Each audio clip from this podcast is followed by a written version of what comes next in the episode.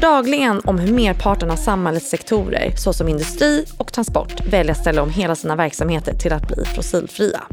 En av de mest avgörande rollerna för att säkerställa detta hållbara skifte är tillgången till Sveriges förnybara el. Den starka drivkraften till att elektrifiera kommer sätta press på Sveriges nät samtidigt som vi som land har satt ambitiösa och höga mål för att ställa om hela vårt energisystem till att bli mer hållbart. År 2030 ska energianvändningen vara 50% effektivare jämfört med 2005 samtidigt som elproduktionen år 2040 ska vara 100% förnybar. Energiomställningen pågår verkligen här och nu. Samtidigt som vi ställer om till förnybar elproduktion så säger en prognos från energiföretagen att elanvändningen kommer landa på 310 terawattimmar 2045. Vilket är en ökning med 120% från dagens nivå. Hur kan denna ekvation gå ihop och vad är Sveriges elsystem på väg? Vad kommer att göras för att vi ska ha ett hållbart och stabilt elnät i framtiden? Idag ska vi blicka framåt och diskutera hur framtidens energisystem kommer att se ut. Vilka utmaningar, möjligheter och olika tekniker ser forskaren och professorn Lina Bertling Tjärnberg kommer vara betydande för framtiden? Kraftsamtal, podden som ger dig kunskap och inblick i tekniken som behövs för att möta en av vår tids största utmaningar, den gröna energiomställningen. Dagens gäst, Lina Bertling Tjärnberg, arbetar som professor i elkraft på Kungliga Tekniska Högskolan, KTH. Eh, forskningsintressen inkluderar framtida tekniker, till exempel mikronät, batterilagring, vind och sol konstruktion och drift av elnät inklusive elektrifierade transporter. Forskningens övergripande mål är att bidra till en säker och hög tillförlitlighet i elförsörjningen, en effektiv användning av energiresurser och till att minska användningen av fossila bränslen. Hej Lina och välkommen hit! Hej, tack så mycket. Trevligt att vara här. Kul att ha dig här. Ja, Lina, du har verkligen ett gediget CV, eh, Lina. Men kan inte du berätta lite mer om din forskning på KTH? Ja, alltså ursprungligen kan man väl säga att, att mitt forskningsintresse handlat om tillförlitlighet och hur vi kan använda matematik för att lösa praktiska problem. Och eh, när jag började doktorera eh, ja, förra seklet, det låter så långt sedan, eh, så jobbade jag då med elnät och tillförlitlighet. Eh, och sedermera så växlade jag in lite på underhålls, hur man kan påverka då tillförlitligen med olika eh, prediktiva metoder. Eh, men sen har det utvecklats ämnesområdet på ett fantastiskt spännande sätt och vi ser ju då hur elnätet har utvecklats till att bli någonting väldigt mycket större som en lösning av framtidens uthålliga energisystem. Så det är det området jag arbetar med. Men, men rent matematiskt så är det fortfarande tillförlitlighetsmodeller och tillämpad statistik som jag vetenskapligt arbetar med. Just det. Superviktigt eh, område att forska inom nu. Eh, vi, har ju, vi har ju talat lite om de här ambitiösa målen som vi har när det gäller elektrifiering av samhället och omställningen till förnybar elproduktion. Eh, och det innebär ju stora utmaningar för elnätet eh, eftersom både konsumtionen ökar, produktionen ändrar karaktär och i många fall så blir det svårare att styra elnätet då. Ehm, och hur ser du på de här utmaningarna? Eh, vad kommer att hända med energisystemet egentligen? Ja, alltså på något vis så känns det som att man vill börja med ännu högre frågeställningar. Mm. har ju precis, eftersom de här nya klimatrapporterna precis har kommit, de är väldigt eh, svarta får man väl säga, som, som säger att vi har ännu mer bråttom med, med omställningen av, mot ett uthålligt samhälle.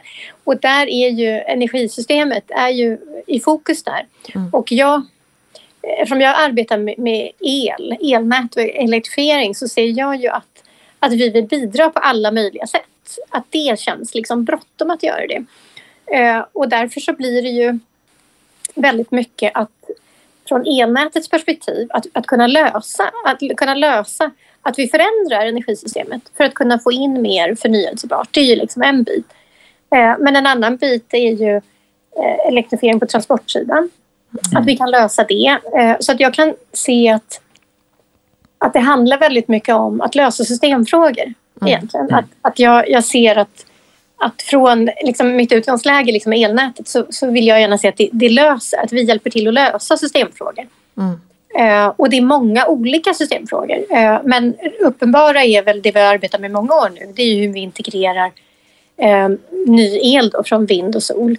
Eh, Mm. Men det andra är ju nu hur vi kan integrera med eltransporterna. Så, så, så det, det är många bitar. Eh, men jag, jag tycker att den övergripande utmaningen det är ju hur vi kan snabba på det här. För vi, vi är för långsamma. Det är det det Mm. säger. Mm. Eh, siffrorna pekar på att det går för långsamt. Vi, vi, och det här är ju...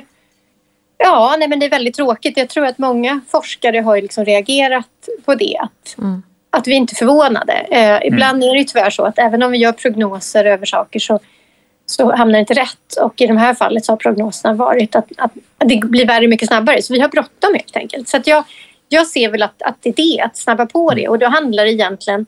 Vi har väldigt mycket teknik. Det finns Mm. väldigt mycket teknik. Så det handlar mycket om att få ut det hela. Att ha prototyper, piloter, att testa.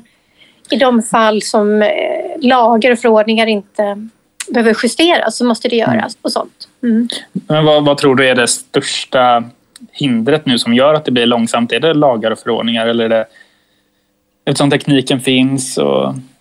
Ja, alltså det, det är en väldigt bra fråga. I, just om vi ser på Sverige nu så, så pågår det ju väldigt mycket aktiviteter. Alltså, det tycker Mm. jag. På lite sätt så driver man mycket aktiviteter. Och det har ju varit, jag har varit på flera eh, möten och diskussioner här året. Som, som till exempel så tar man ju fram en ny nationell plan hur vi ska arbeta med elektrifieringen. Och man har väldigt mycket satt i fokus på transportsidan att ska det elektrifieras. Så man gör väldigt mycket. Eh, Men det jag tror är, är liksom de, det knepiga det är att vi inte har den här långsiktiga planen. Det tror jag är det stora Mm. problemet. Eh, och, Ja, vi har inte någon Ja. liksom, riktig vision för framtiden. nej, Om... nej, för det gör det knepigt för industrin. Mm. Mm. Eh, och ju- blir det knepigt för industrin så det, alltså allting hänger ihop. Så det påverkar ju även utbildningssidan. Att vi, så att jag tror väl att att det absolut viktigaste nu det är att, ha lång, att vi ser långt framåt. Mm. Eh, Därför att det, det, det finns viss teknik som finns.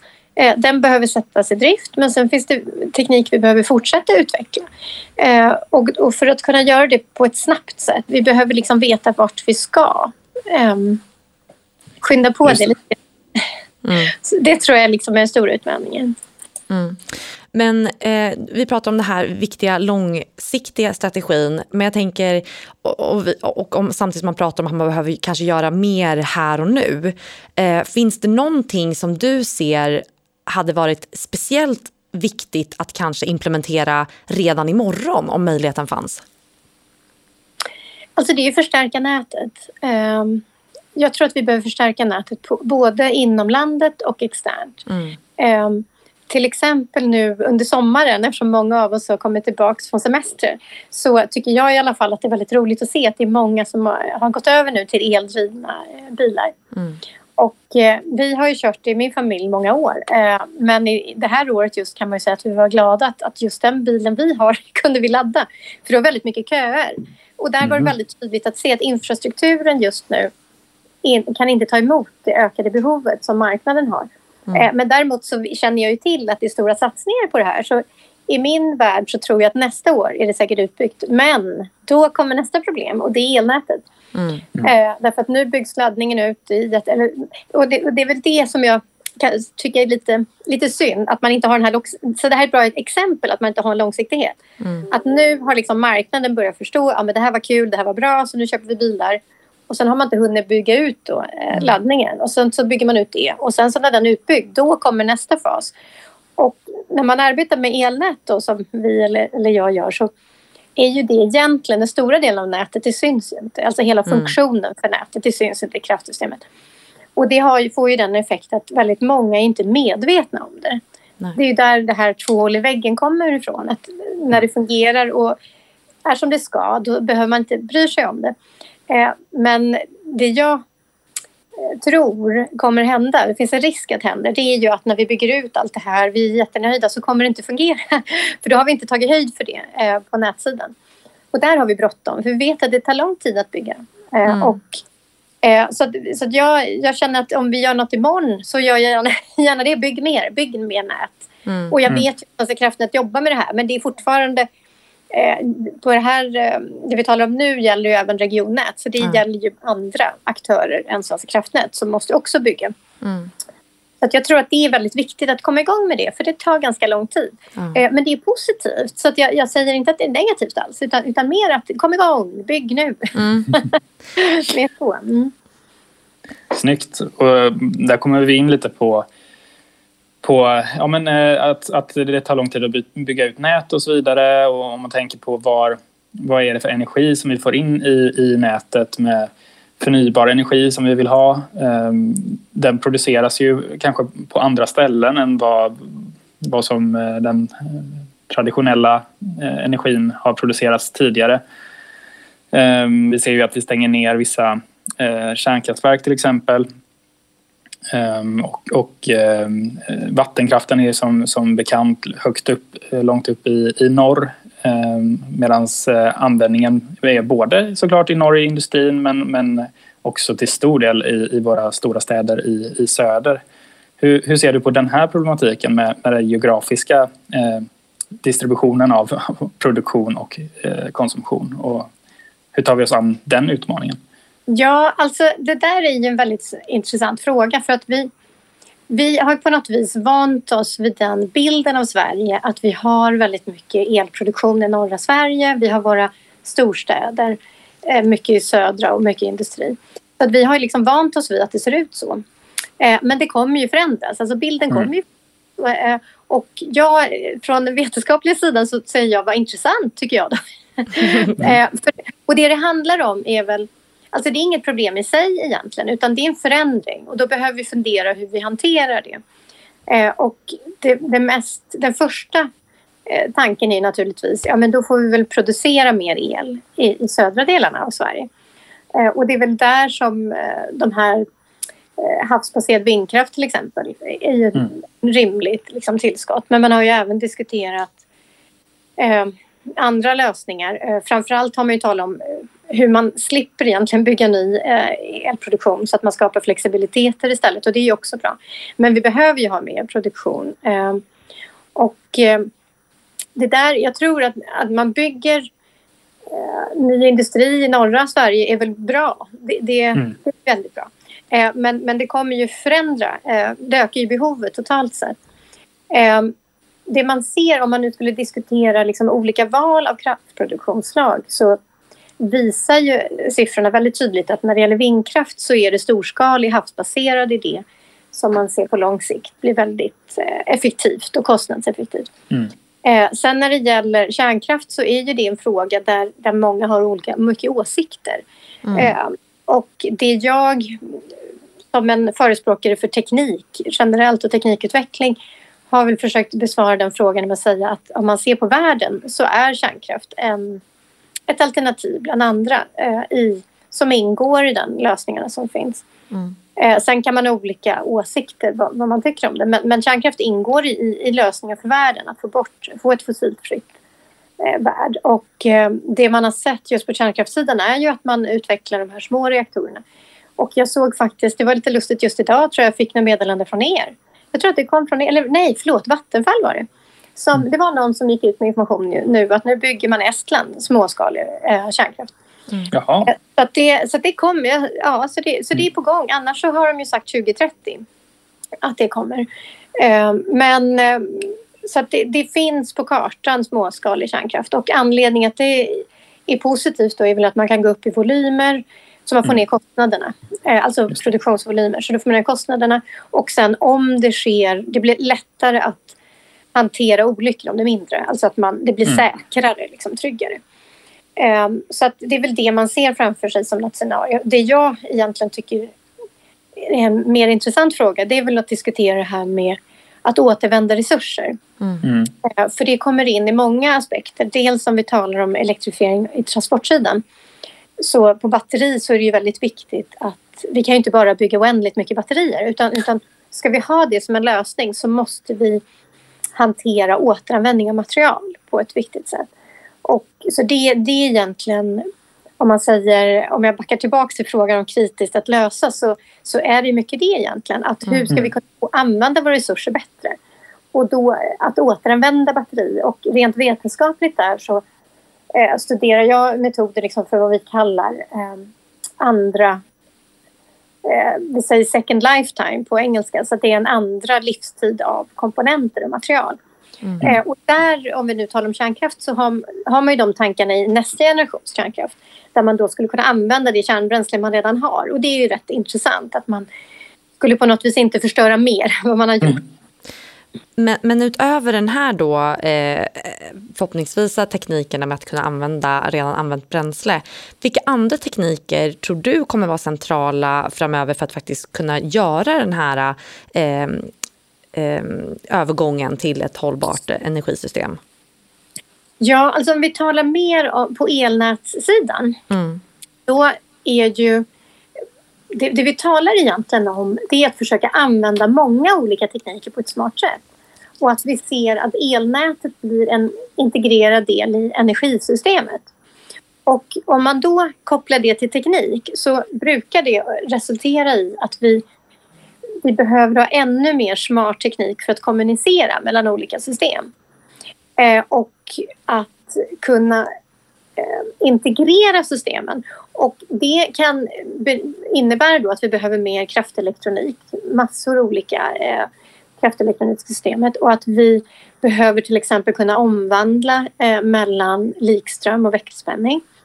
Eh, så att vi har ett blandat AC-DC-nät i många sammanhang och att vi ser också att vi kommer ha fler kanske olika spänningsnivåer. Eh, så det, det jag ser framför mig är att vi vi kommer ha ett mer komplext nät i framtiden eh, för att kunna vara eh, kunna användas där det behövs. Som, som ett praktiskt exempel är ju att eh, el är ju... Vi talade lite grann om det här med, med långa avstånd och anledningen att vi, vi har uppfunnit trefals växelspänning är ju för att det är ett extremt energieffektivt sätt att överföra på långa mm. eh, distanser. Så att det kommer vi fortsätta göra för det är väldigt, väldigt bra. Men däremot så ser vi ju att man lokalt kan då producera el, till exempel från sol. Eh, eller om man nu lokalt har möjlighet till en storskalig vindkraft. Och därför så ser vi att vi, vi kommer få ett, ett blandat system mer framöver. Mm. Och där är det ju speciellt då olika kraftelektronik, eh, olika om, omväxlare. Vi, vi kommer blanda likspänning, eh, liksom, och, och så vidare. Så att jag ser att där, eh, sån tekniker för att kunna göra det, för att kommunicera det eh, och lösa det är väldigt, väldigt viktigt i framtiden. Så det det handlar om är ju att vi vill försöka omvandla saker så, så sällan som möjligt. Så mm. att vi mm. använder eh, energikällorna lokalt om vi kan eh, och använder den formen som är bäst. Så att om man tar ett hus till exempel att man har fjärrvärme om det finns eller mm. bergvärme och så vidare. Och lägger man solpaneler så kan man använda det eh, för värme. Liksom, så, att vi, så att man försöker använda system på ett smart sätt. Så det är definitivt. Och du, du, nämnde lite just det här vikten av att ha smarta komponenter. Eh, och mm. Då tänker jag lite på det här med digitalisering. och Vad, vad, vad tänker du? Liksom, vad finns det för möjligheter eh, inom elnätet som stort att jobba och fokusera på digitalisering? Alltså det har ju, digitaliseringen är ju på något vis integrerat med kraftsystemet. Det har ju alltid funnits. Jag har ju hört personer som, som säger att internet kommer från elkraftsystemet. Så det, mm. det, finns ju, det, är, det har ju alltid varit mycket, mycket smarta eh, kommunikationssystem i kraftsystemet. Eh, men det vi ser framför oss nu är ju ytterligare steg. Att man kan digitalisera i kraftstationer. Att, så nu när man bygger om så använder man ju otroligt mycket mer komponenter som är digitala. Och det här ger ju oss en väldigt nytt spännande sätt att kunna eh, driva näten. Eh, och det här är lite det som jag jobbar med i min forskning. Att, man, att vi kan prediktera, att vi kan ta in information under driften. Därför att historiskt då har vi varit väldigt skickliga på att planera. Mm. Eh, vi har haft väldigt god expertis i att kunna designa och planera och så bygger vi någonting. Men sen när vi väl eh, är i driftläge, att vi, att vi driver ett nät, då har vi, liksom bara, har vi gjort det. Mm. Men det vi kan göra nu i framtiden är att vi kan använda mycket mer information som vi tar in kontinuerligt om olika komponenter i systemet. Vi läser av spänning och ström och så vidare. Och då kan vi driva det på ett mycket smartare sätt och även kunna hantera den här komplexiteten som, som jag nämnt. Att vi faktiskt ansluter väldigt många mer eh, punkter till elnätet. Mm. Eh, så att på något vis är det ju ett fantastiskt spännande utveckling, ska mm. jag säga. Eh, som i mycket handlar om att vi har mycket mer information, mycket fram, mätdata. Mm. Så vi kan göra mycket smarta saker.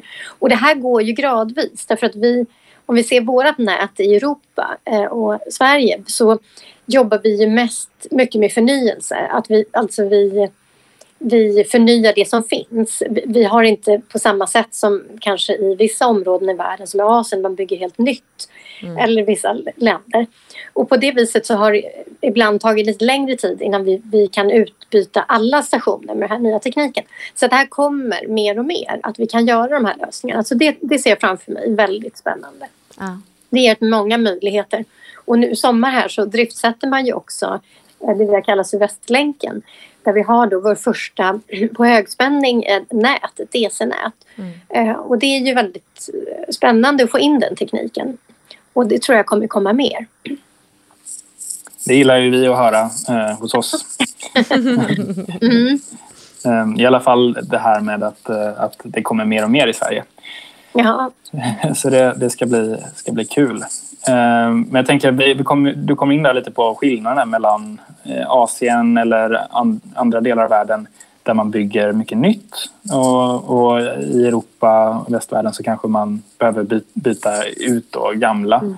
Är, är det en, kan det vara en, en, ett skäl till varför det går lite långsamt då att man måste göra vettiga bedömningar i när och vilka och så där man ska byta ut eller eh, hur, hur ja, alltså, Ja, alltså det blir ju på det viset att, att om man både ska förvalta det man har samtidigt med att man jobbar med förnyelse så är det ju klart att det resursmässigt kräver mer. Mm. Um, och, eh, men jag, så, att, så att visst, det är klart att men det ger ju också ja, det är väl så det ser ut. Vi får ju acceptera det att vi, vi har funnits här i Europa. Mm. Mm.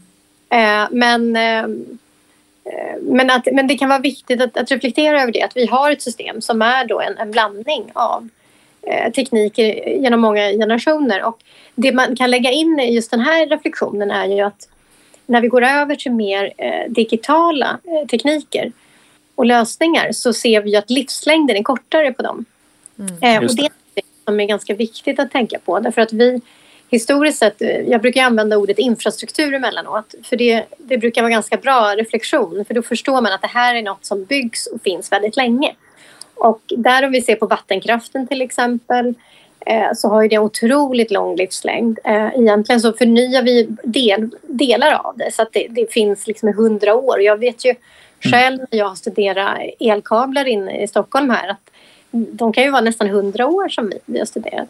Mm. Äldre så att, eh, det är ju eh, det blir kortare. När vi, när vi, vi, har, vi har tagit till oss ny teknik men den nya tekniken har generellt kortare livslängd eh, än den tidigare. Så där eh, så kommer det så annorlunda ut och det är väl någonting som egentligen handlar om kunskapsöverföring och så vidare. Att vi, mm. vi behöver känna till tidigare teknik. Ehm, Vad får det för effekter då? Att man har kortare livslängd på de nya komponenterna? Det måste ju vara både för när man beräknar eh, ja, men investeringarna och så vidare när man, mm. man ska bygga ut men också så borde det få impact på, på livscykelanalysen.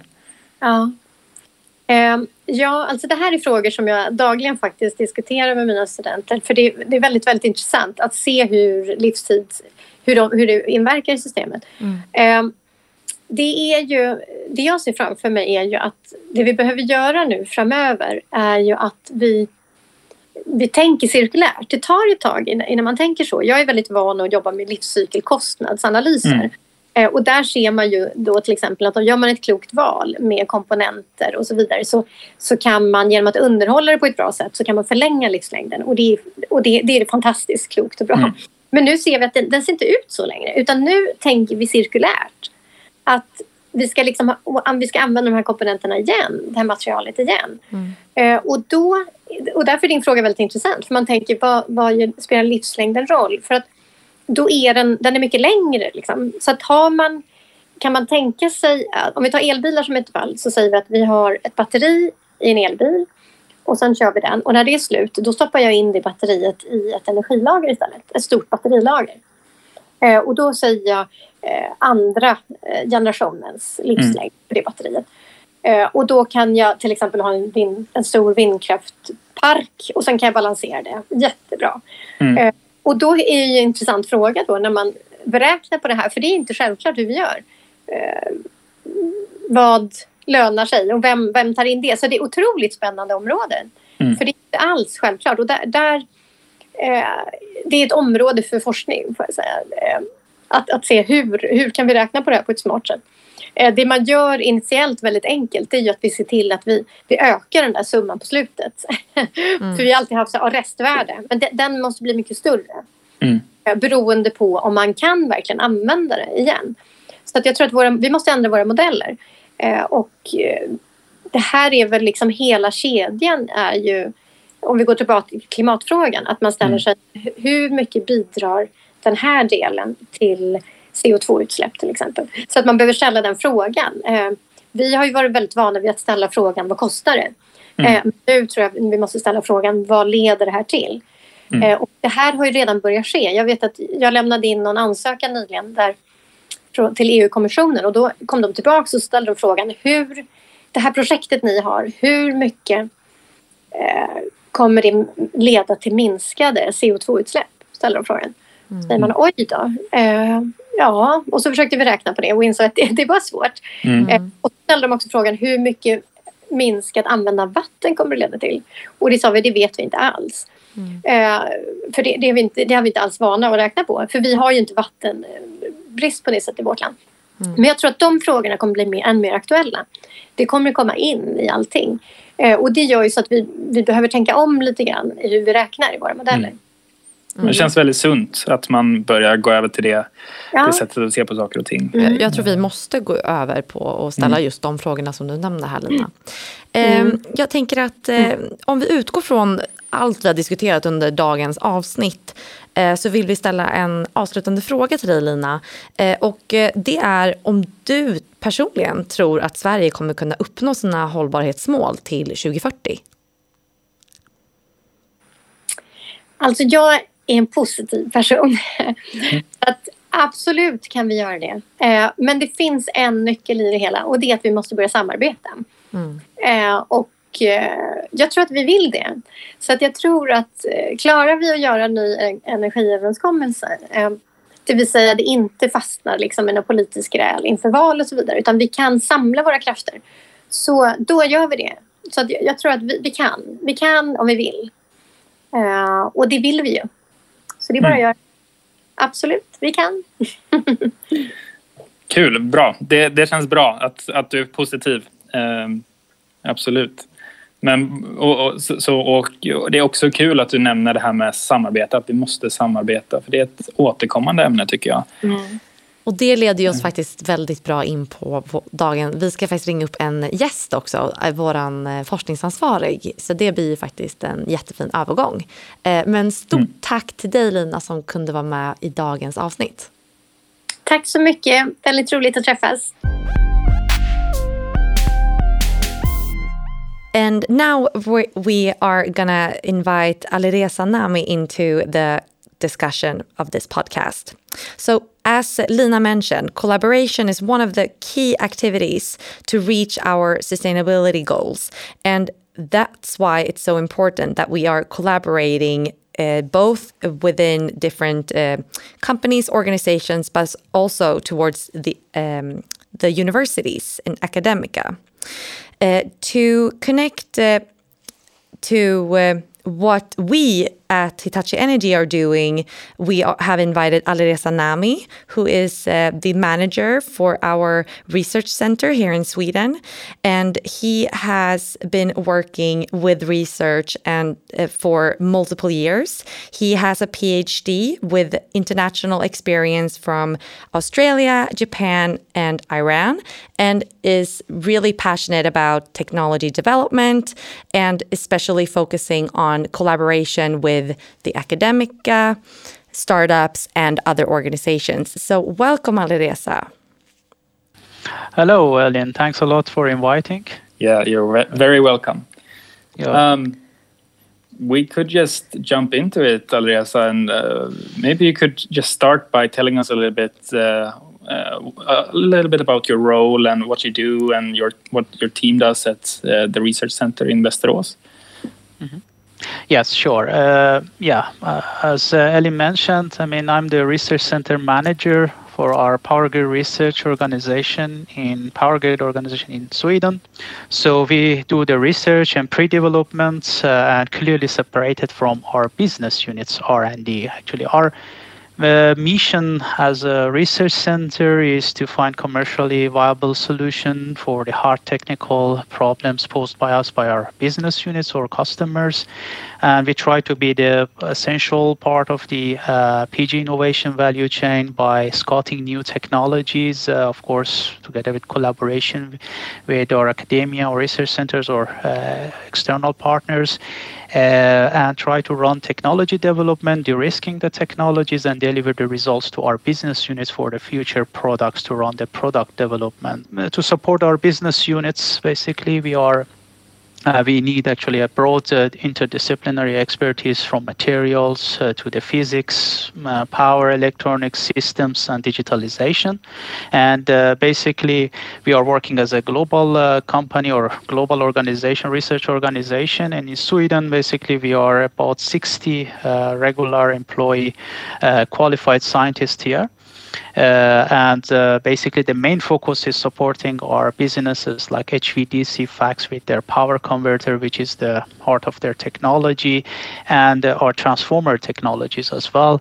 and I should also mention that we work also with digitalization, automation, and also with the grid system issues. Yeah, and Alireza, you have mentioned so many uh, unique and really cool technologies. But uh, with uh, Lina, we have discussed the key technologies that, that she sees right now mm -hmm. to reach a carbon mm-hmm. neutral energy system. Mm -hmm. But we want to ask you the same question. What do you think is the most important technology going forward to make sure that we can integrate renewable energy?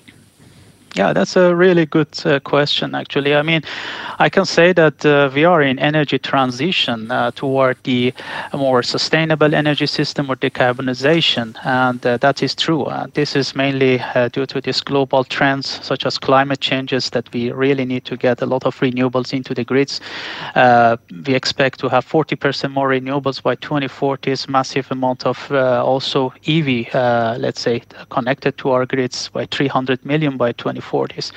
And then, of course, the population is growing at the same time, and urbanization is also growing. So this all means that basically a, a kind of a grid is evolving from the central, centralized, uh, predictable generation and consumers to more distributed, uh, volatile, let's say, energy generation and then prosumers now.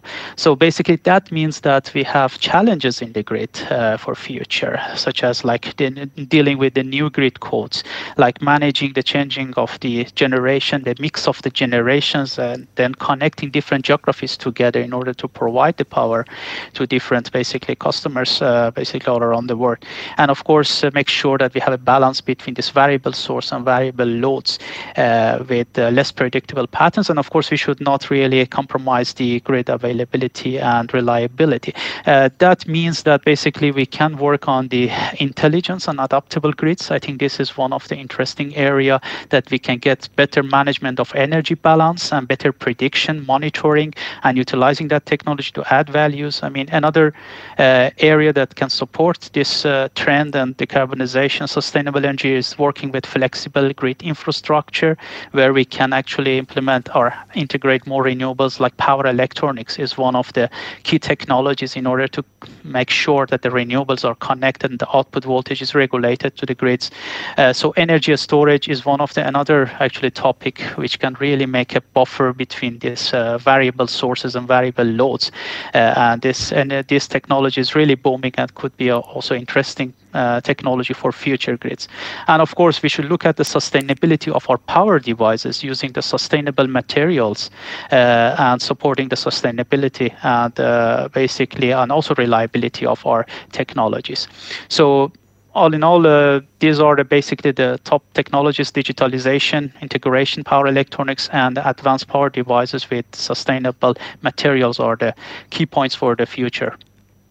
That's a lot of really cool technologies. So thank you for giving that insight, uh, Alireza. And uh, um, uh, lastly, we would like to uh, just uh, briefly discuss uh, how you and your team are working with universities where KTH, where uh, Lina Bertling uh, is working.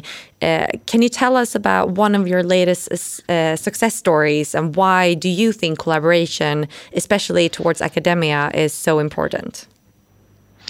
Yeah, definitely. I mean, of course, collaboration. I mean, now what I mentioned is that there are a lot of challenges in the grid, but uh, we are uh, really interested to be in this uh, era because then this is the time for innovation, and innovation is an is important and it's an opportunity now for mastering the energy transition in the future, which is quite important. And uh, basically, to do the innovation, we cannot do it only ourselves. We cannot really work ourselves. I mean, we have a very short time toward this uh, all this transition, energy transition, and future grids, as I mentioned.